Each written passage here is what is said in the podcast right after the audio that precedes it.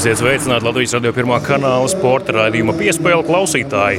Mani sauc Mārtiņš Kļavnieks, un eh, esmu šobrīd arēnā Rīga, kur Latvijas hokeja izlase aktīvi cīnās par olimpisko ceļzīmu uz Pekinas Ziemas Olimpiskajām spēlēm, kas notiks jau pašā nākamā gada ievadā. Četru komandu turnīrā tikai viena labākā izlase iegūs ceļzīmi uz četrgadus lielāko Ziemas sporta fórumu. Latvijas izlase pēdējo reizi Olimpiskajās spēlēs spēlēja 2014. gadā Sočos, bet tagad tā ir iespēja nokļūt uz Pekinas Ziemas Olimpisko spēļu ledus. Šajā raidījumā ieklausīsimies dažādās niansēs spēles laikā, kas notiek gan skatītāju zonā, gan arī žurnālistu zonā, kādas ir fotografu darba aizkulises, bet raidījuma otrajā daļā saruna ar vienu no Latvijas labākajiem basketbolistiem, Dāvi Bērtānu. Tas viss jau pēc pavisam īsa brīža.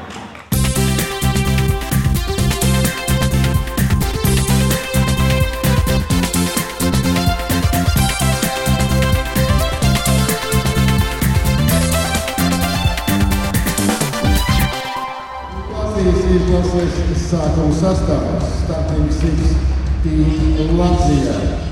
Nacionālās informācijas aģentūras Latvijas fotogrāfs Edijs Pālens.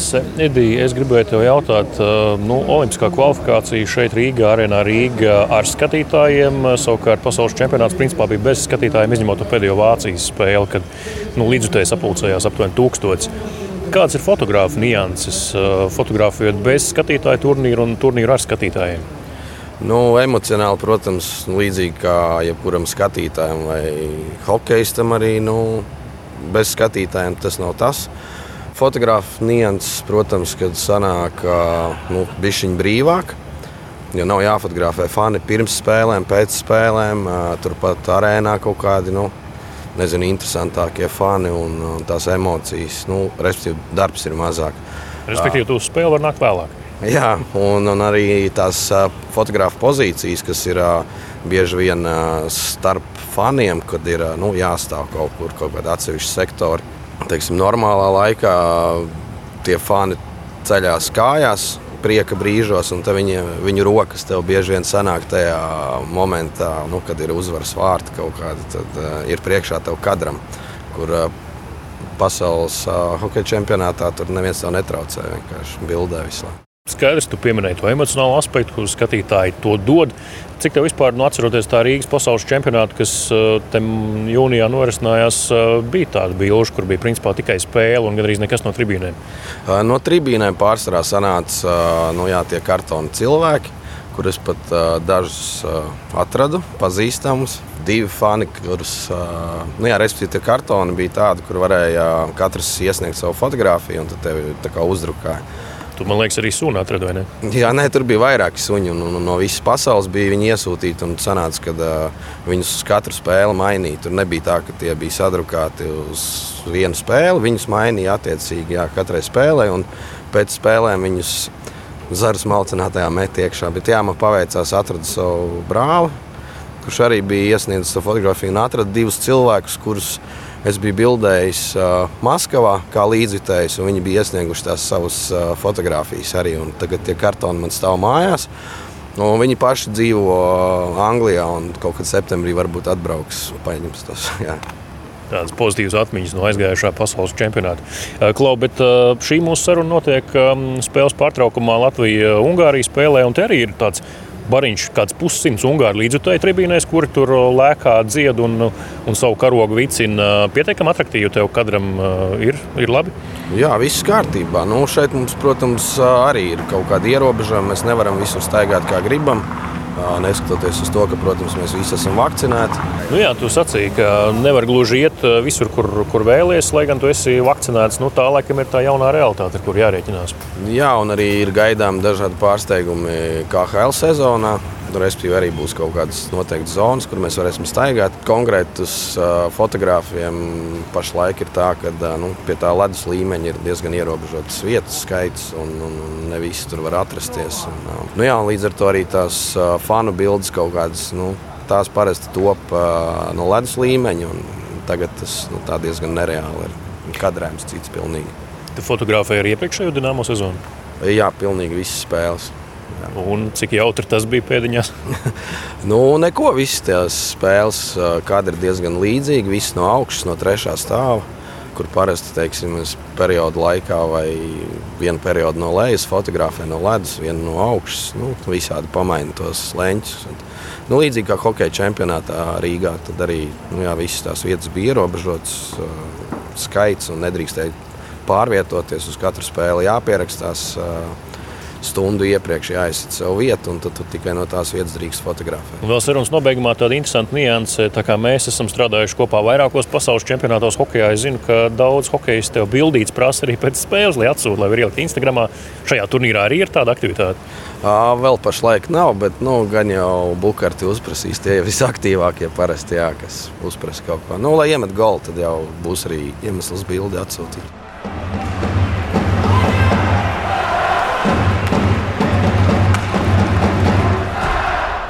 Latvijas radio pirmā kanāla sporta raidījums piespēle turpina ciemoties arēnā Rīga, kur olimpiskā kvalifikācija Latvijas izlasēja cīnoties par vienīgo ceļzīmi uz Pekinas Olimpiskajām spēlēm. Vienīgo ceļzīmi, kas tiek izspēlēta šajā Rīgas grupā.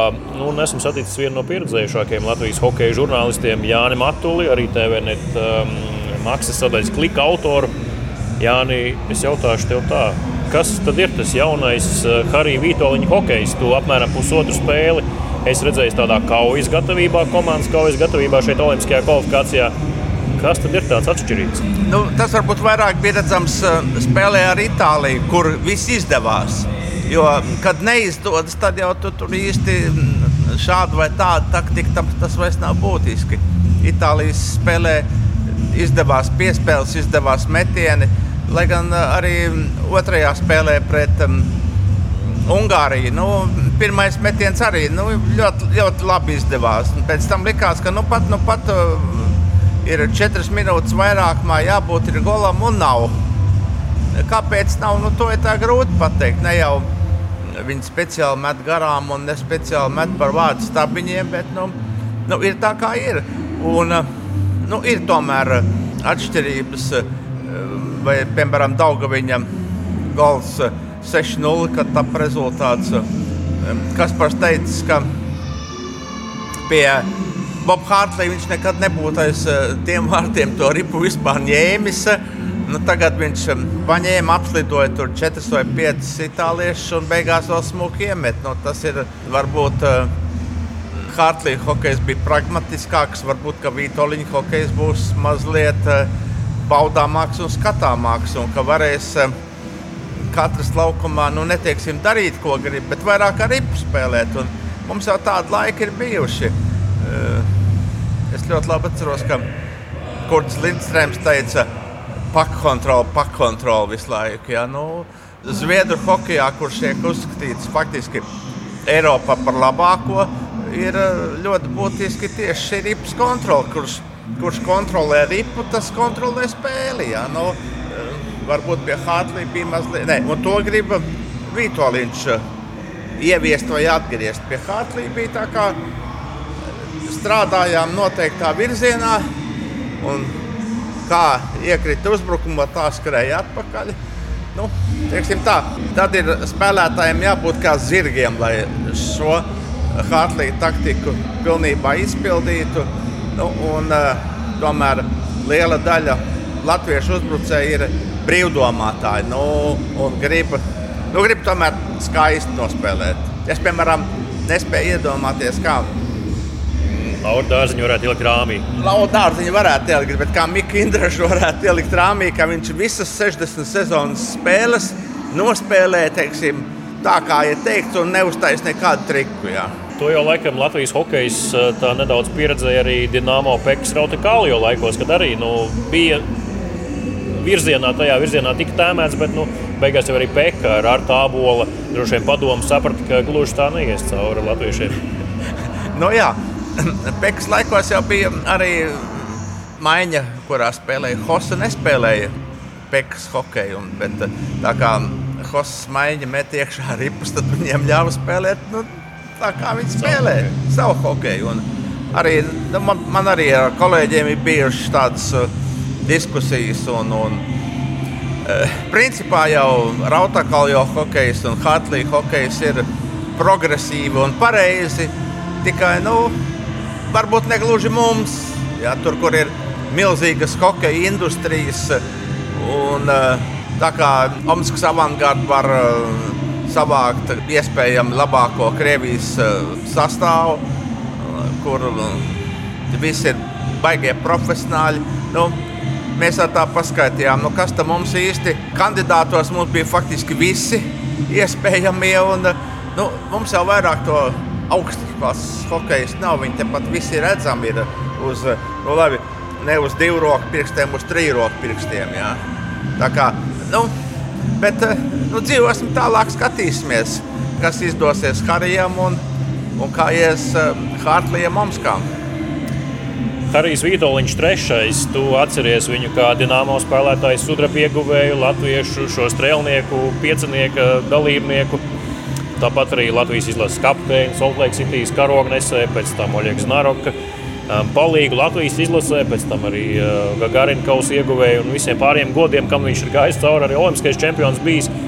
Viņš ir mainījies kaut kā. Uh, man vislabāk Harijs kā cilvēks patika 2000, tagad jāsāk domāt, 4. gadā, kad čempionāts bija Prāgā un kad viņš bija Latvijas televīzijā komentētājs.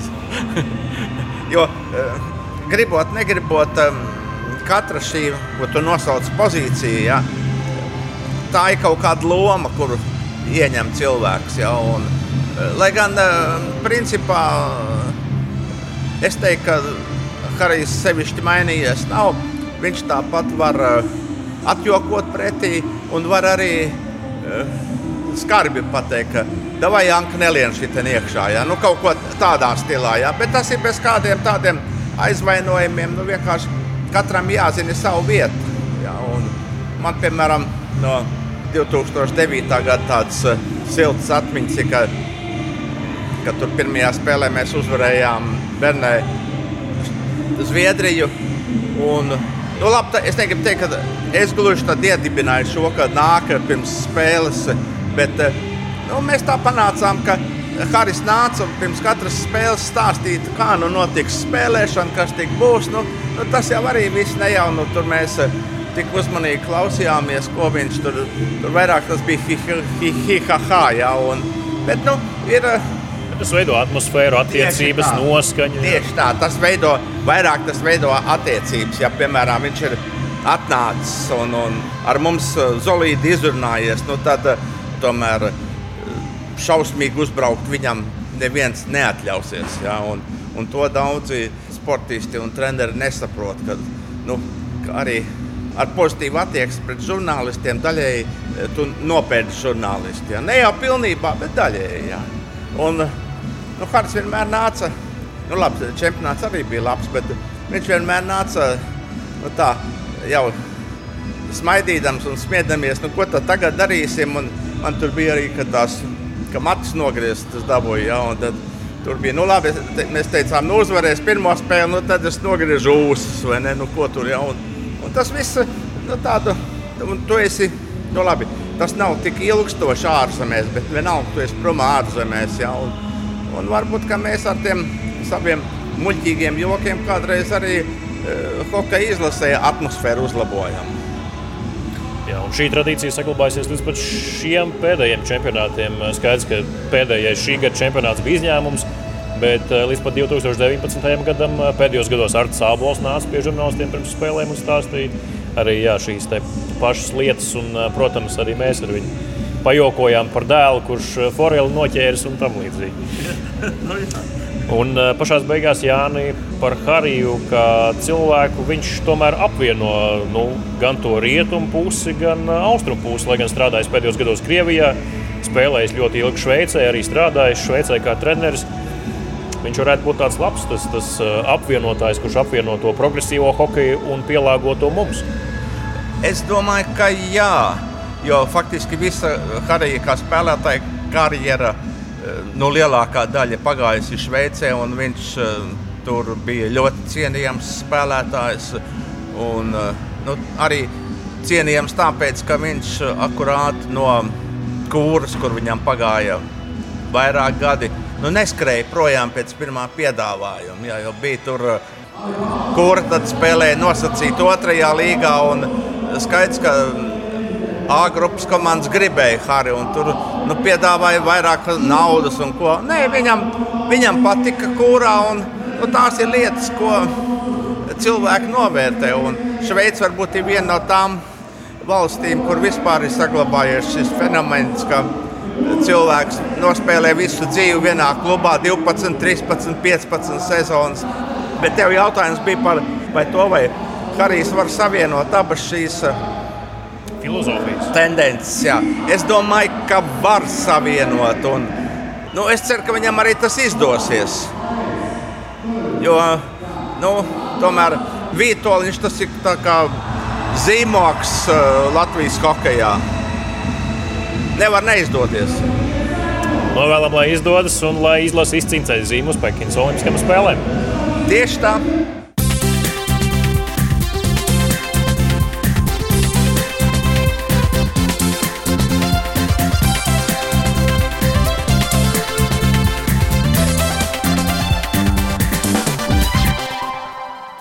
Jūs klausāties Latvijas radio pirmā kanāla sporta raidījumu piespēle studijā Mārtiņš Kļavinieks. Tādi lūk iespaidi un atziņas Olimpiskās kvalifikācijas turnīra hokeja laikā. Arēnā Rīga Latvijas hokeja izlasē atlicis vēl pēdējais solis, ko spērt. Tieši šodien izšķirošajā mačā jāuzvar Francija, lai iekļūtu Pekinas Ziemas Olimpisko spēļu turnīrā. Vēlamu veiksmi un izdošanos Latvijas izlases hokeistiem, bet raidījumu turpināsim ar basketbolu. Proti, viens no Latvijas labākajiem basketbolistiem Dāvis Bartāns, kurš jau trešo sezonu spēlēs Nacionālās basketbola asociācijas vienībā Washingtonas Wizards, 24. augustā atklāja savu un brāļa Daira kopīgi veidoto ārā basketbola laukumu Palmierā pie Jāņa Daliņa stadiona. Laukums veltīts 2020. gada pašā ievadā traģiski bojā gājušajiem basketbola futbolistam Kobem Bryantam, un zīmīgi, ka šis laukums tika atklāts tieši 24. augustā, jo šo datumu apzīmē ar 24.08. Gan 24, gan 8 bija Kobes Bryanta numuri, ar kuriem viņš spēlēja NBA. Par to, kā Dāvim veicās laukuma atklāšanā, par gaidāmo sezonu un ar aizvadītajām četrām spēlēm pasaules kausa priekškvalifikācijā pret Rumāniju un Baltkrieviju Latvijas izlases sastāvā ar Dāvi Bērtānu sarunājās mans kolēģis Mārs Bergs. Dāvi šonadēļ atklāts Bartānu ģimenes pirmais basketbola laukums. Pašam noteikti liels gandarījums un lepnums, ka šādu projektu izdevies realizēt. Nu, vispār diezgan patīkama sajūta. Uh tomēr dzimtā pilsēta eh, daudz gadu pavadīta eh, bērnības laikā basketbolu spēlējot, tēvs diezgan daudz spēlējis. Un, un tāda, vēl tā, tas, tādā zīmīgā datumā netīšām iekrita, kas ir, eh, jo tā kā laukums ir veltīts Hobs Bryant pieviņai, tad 24. 08. Tomēr ir diezgan zīmīga cipara, kas tā tiešām netīšām sakrita, jo bija sākumā paredzēts pirms nedēļas, bet laikapstākļi neatļāva.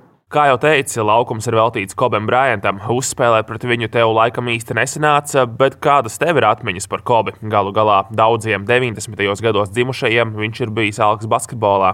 Protams, jā, nu man pašam bija tā, divi tādi. Viens ir, protams, Maikls Jordans un otrs Kobe Bryants, kas bija tādi visvairāk iedvesmojošākie spēlētāji. Un, uh, redzot tam, kādām traumām un visām gan fiziskām, gan mentālām grūtībām, kam viņš gāja cauri, lai vienmēr būtu gatavs spēlēt un, un, un izcīnīt tos čempionu titulus. Tas, tomēr es domāju, es domāju tieši kā teica mūsu, mūsu gadu gājumam, viens no iedvesmojošākajiem spēlētājiem. Es domāju, ka vēl arī pat jaunākās paaudzes vēl diezgan daudz vēl skatīsies YouTube, gan video, gan dokumentālās filmas par viņu.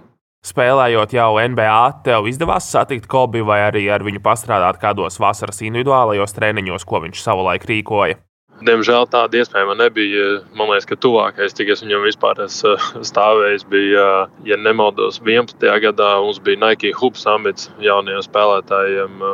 Tur tieši bija mēs dienu iepriekš bija Portland pret Lakers spēlē, jo tā spēle bija Portlandā. Un, eh, Un tad sanāca tā, ka mēs netālu no, no tām spēlētājiem ģērbtuvēm. Tas bija tuvākais, cik es dzīvē varbūt viņas eh, saticis. Principā tur 2-3 metru attālumā redzējis, nevis saticis. Pastāsti par pašu laukumu, kad tad radās ideja par šādu projektu un cik ilgs laiks pagāja no idejas līdz izpildījumam?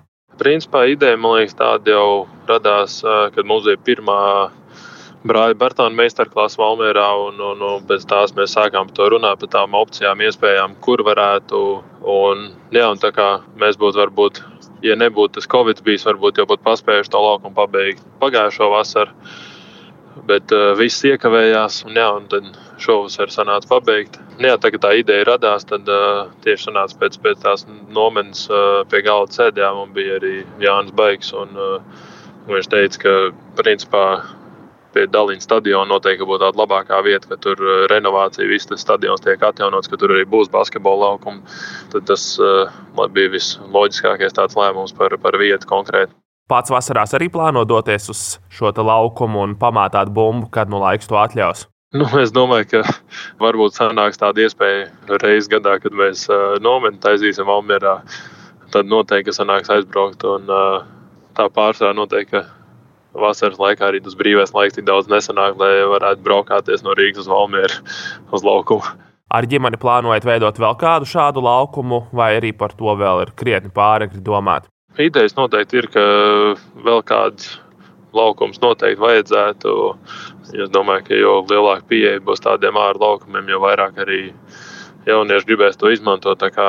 Iespējams, ka nākamais varbūt būs uh, tuvāk pašreizējai dzīvesvietai Rīgā. Jāsāk meklēt uh, variantu opcijas, kur to varētu darīt. Noteikti. Es domāju, tāda ierasta, ierasta lieta vispār starp NBA spēlētājiem, ceļš tiem, kas uh, ne no Amerikas, bet ārpus. Es domāju, ka amerikāņi arī savā dzimtajās pusēs diezgan daudz tādas laukumus izveidojuši, bet spēlētāji, kas ir tādi eiropieši vai no Āfrikas vai, vai Āzijas, Austrālijas, tādi jau ir ierasta praksa diezgan. Un, un ir diezgan patīkami, ka tā, ar to, ko mēs darām, mēs varam arī kaut kādā veidā dot atpakaļ. Bērnībā uz šādiem, nu, varbūt ne tik moderniem, bet tomēr ārā laukumiem noteikti pavadītas neskaitāmas stundas, spēlējot bumbu kopā ar draugiem un komandas biedriem. Nu, jā, tie bija vairāk noteikti kā kāds, kas bija uzņēmies eh, pie dzīvokļa mājā, Rujanā, uztaisīt grozu. Un, nu, principā tas arī bija viss asfaltētais celiņš un, un grozs. Protams, ka būtu bijis forši tajā vecumā, ja būtu šādas kvalitātes laukumi. Bet uh, tajā laikā mums tas netraucēja. Galvenais bija grozs un bumba. Un varēja cits draugs savākt un uzspēlēt. Pagājušajā rudenī ar brāli aizsākāt vēl vienu projektu Valmieras basketbolā, proti, brāļu Bērtāru basketbola skolu. Kā tad pagājis pirmais gads jūsu basketbola skolai? Diemžēl Covid dēļ tas gads ir pagājis tāds īsti nekāds, bez, bez nekādām lielām sacensībām, ar treniņiem ierobežotā biežumā, laikā, cilvēku skaitā. Ceram ļoti, ka tuvākajā laikā varētu viss iet tikai uz labo pusi un, uh, un bērniem būtu iespēja vairāk trenēties, vairāk turnīros piedalīties un spēlēt. Lai arī treniņu darbs ierobežojumu dēļ ziemā bija tiešām ļoti limitēts, cik iesaistīts pats bija dažādos skolas procesos, ņemot vērā laika starpību un NBA sezonas grafiku.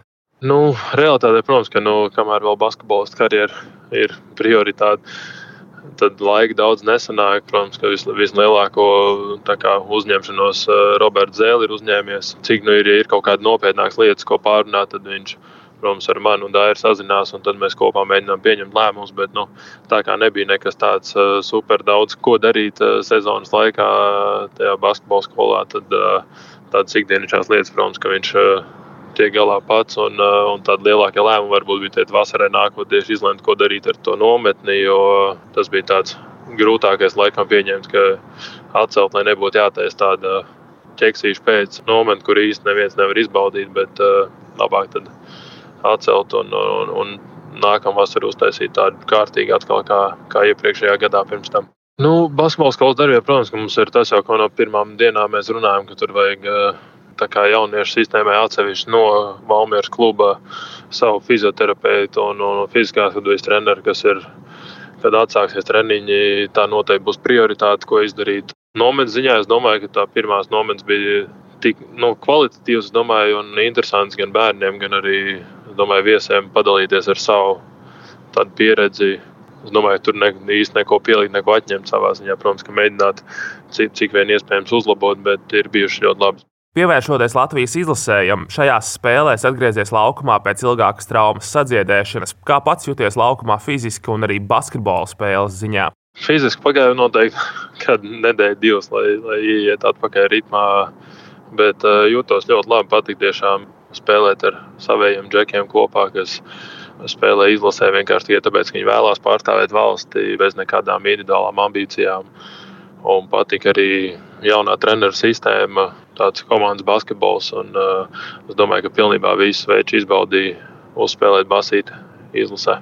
Nereti atgriežoties pēc traumām, basketbolistiem ir laika limits, cik daudz viņi drīkst pavadīt laukumā. Vai arī tev bija kāda laika limita, cik daudz drīkst spēlēt, vai arī tavs spēles laiks bija atkarīgs tikai un vienīgi no trenera lēmumiem? Nu, jā, principā nu, pēc traumas atgriešanās tagad tās bija pirmās spēles, un tad vēl tāds nepārāk parocīgs grafiks, ka divas dienas pēc kārtas, divas reizes jāspēlē tad jā, bija uzlikts tāds vidējais laika limits, 20 minūtes spēlē. Tā kā sanāca tur pret Rumāņiem, pie plus 40 varēja mazāk nospēlēt, tad otrajā spēlē pret Baltkrieviem varēja nedaudz vairāk. Jā, bija tāds laika limits, tīri, lai neriskētu un nedabūtu to pašu traumu vēlreiz, kas nozīmē vairākus mēnešus izlaist. Tas principā bija tāda kopēja vienošanās starp kā, mani, manu fizioterapeitu un, un Vizards komandu. Vizards nebija iebildumi pret tavu spēlēšanu izlasē, ņemot vērā, ka tomēr atgriezies pēc traumas izārstēšanas un labu laiku nebija spēlējis. Nē, viņi ļoti pretim nākošie. Man jau pirms braucu atpakaļ uz Latviju ar ģenerāla menedžeru runāju. Es teicu, ka nu, es, ja viss būs kārtībā pēc traumas un, un būšu gatavs spēlēt, es viņam teicu, ka es gribu spēlēt. Pateicu savus iemeslus, kāpēc. Tas ir nu, viens, protams, ir pārstāvēt valstu un, un palīdzēt uh, tikt tālāk uz to kvalifikācijas turnīru, bet otrs tas arī ir vasaras laikā laba iespēja uzspēlēt basketbolu un, un būt tādā labā formā. Un, un nebūt tā, ka uz sezonu atbraucot, nav basketbols spēlēts kādus 4-5 mēnešus. Vēl pirms priekškvalifikācijas sākuma teici, ka situācija ar kāju vēl būs jāvērtē. Kurā brīdī saprati, ka viss ir gana labi, lai varētu spēlēt? Nu, principā tas bija pēdējā nedēļa pirms tās pārbaudas spēles Valmjerā aizvadīju nedēļu treniņus ar komandu un, un, un sapratu, ka viss, viss ir labi, nav nekādas problēmas. Tad, protams, tā Valmieras spēle arī bija tāda neliela pārbaude. Tā kā viss bija kārtībā, tad bija skaidrs, ka varēšu palīdzēt izlasē. Pirmajā aplī tev trīspunktnieki krita pat ļoti labi. Otrajā riņķī vairs tikai viens no desmit. Nebija īstā diena, vai kāds cits iemesls tam, ka otrajā aplī bumba grozā tev vairs tik labi nekrita, kā gribētos. Principā tā, ka jā, pirmās tās divas spēles, es domāju, pretinieka aizsardzība baigi man nepievērs uzmanību. Un, uh, daudz vairāk tādu brīvāku, vieglāku metienu sanāca. Un, uh, un pēc tam jau otrajās divās spēlēs jau gan Brumāņi, gan Baltkrievija nedaudz vairāk sēdz man. Es domāju, tāpēc arī bija brīvāks rokas uh, pārējiem džekiem. Varbūt tie metieni neiekrita, jo viņi bija nedaudz grūtāki nekā pirmajās divās spēlēs. Iepriekš esi teicis, ka izlasē ar banku ienākšanu jūtamas jaunas vēsmas, taču viena lieta ir treniņi, kas cits ir spēles vadīšana, kad spēlē patiesībā ir arī nozīme. Tavuprāt, treneris un spēlētāji ir spējuši viens otru saprast un izveidojusies tāda reāla sapratne vienam ar otru. Principā mača laikā treneris, kā, kā treneris, varbūt nu, ar emocijām brīžiem, kad vajag, kad vajag ļoti mierīgs. Uh, Bet, nu, principā tā sistēma, es domāju, ka vis, visvairāk visiem patīk tieši tas, ka nu, nav tāda varbūt izteikti spēlētāji, kas ir ar, ar bumbu, tur driblētāji, veidotāji. Un, un, un tas komandas basketbols, kuru viņš prasīja, lai mēs spēlējam, tur dalīties piespēlē. Mums nomēr vidēji uzbrukuma sadarbība, man liekas, izgāja, ka bija kāds kā minimums 6, 7 piespēles reizēm. Tad tas man liekas, visiem bija ļoti, ļoti parocīgi spēlēt. Un lielākais iemesls, kāpēc arī daudz tika pie brīviem Šobrīd jau esi atpakaļ zālē un gatavojies sezonai, vai pagaidām vēl atvaļinājums pēc izlases? Nē, pēc izlases principā tikai to nedēļas nogali atpūtos un, un, nākamajā pirmdienā jau sāk trenēties. Jo tomēr septembrī pašā sākumā jau, jau nāca, nu, sanāks braukt, lidot uz, uz Vašingtonu un, un sākt piedalīties tajos atvērtajos treniņos. Tad praktiski divi ar pus nedēļas šobrīd sanāk tādā labā treniņa režīmā, četras reizes nedēļā tā kārtīgi patrenēties Nu, un lai jau būtu tādā principā noturēt to formu, kas tika uzņemta uz uh, izlases laiku. Pie kā pats vēl gribi vairāk piestrādāt atlikušajā starpsezonas daļā, kas, protams, vairs nav ilga, bet nu, tomēr vēl pāris nedēļas ir, lai patrenētos. Man tas uzbrukuma daļā, tas basketbols ir diezgan vienkārši. Jāsaņem bumbu un jāmet grozā. Tad uh, vienkārši jābūt uh, labā fiziskajā formā, pēc iespējas labākā. Tad tas ir tāds svarīgākais, lai to sezonu varētu pēc iespējas labāk nospēlēt. Un, protams, ir, ir tiek diezgan daudz laika pavadīt arī svaru zālē, tīri strādājot uz tiem muskuļiem, kuriem ir pēdējā laikā problēmas bijušas. Mēs bijām pagājušā sezonā, tas īkra muskulis tomēr traucēja pāris reizes. Tas bija tāds varbūt lielākā lietas, ko strādāt. Skatoties uz priekšdienām, Vašingtonas Wizards sastāvā tev būs jāspēlē pie jauna trenera. Esat paspējuši aprunāties par to, kāds tad basketbols komandā iecerēts šo sezonu? Principā nu, ar treneru vairāk tā sanācis ar, ar īziņām sazināties pāris reizes, bet uh, domāju, ka nu, sākuma no tā septembra uh, sākuma tie atvērtie treniņi noteikti būs lielākā daļa spēlētāju uz vietas, un, uh, un tad arī būs pietiekami laika līdz sezonai, gan viņam izstāstīt, ko viņš vēlās no komandas, gan spēlētājiem arī saprast, ko viņiem jādara, katram kāda loma ir. Sastāvā ir arī vairākas vērā ņemamas pārmaiņas, prom aizmainot vienu no līderiem, Raselu Vesbruku. Ko redzi no komandas jaunpienācējiem? Nu, es domāju, ka tie jaunie spēlētāji, kas ir no, no Lakeriem klāt, visi varētu ļoti labi iedarēties. Garais spēlētājs Heralds tāds ar ļoti lielu enerģiju un, un, un cīnītājs. Tāds spēlētājs, kurā komandā vienmēr noder, tad, protams, ka Paups arī labs trīs punktu metējs, kas arī jebkurā komandā noder. Un tad nu, Kūzmi ir tāds vairāk vispusīgāks spēlētājs. Un, nu, te būs tie principā tikai gan treneru, gan spēlētāju uzdevums atrast veidu, kā visiem salikt to visu kopā, lai būtu arī komandas spēle un uzvars. Droši vien, ka latviešu lāzeru uzdevums gan paliks nemainīgs. Tas ir terorizēt aizsardzības no trīs punktu līnijas. Nu, protams, jā. tas jau pašsaprotami.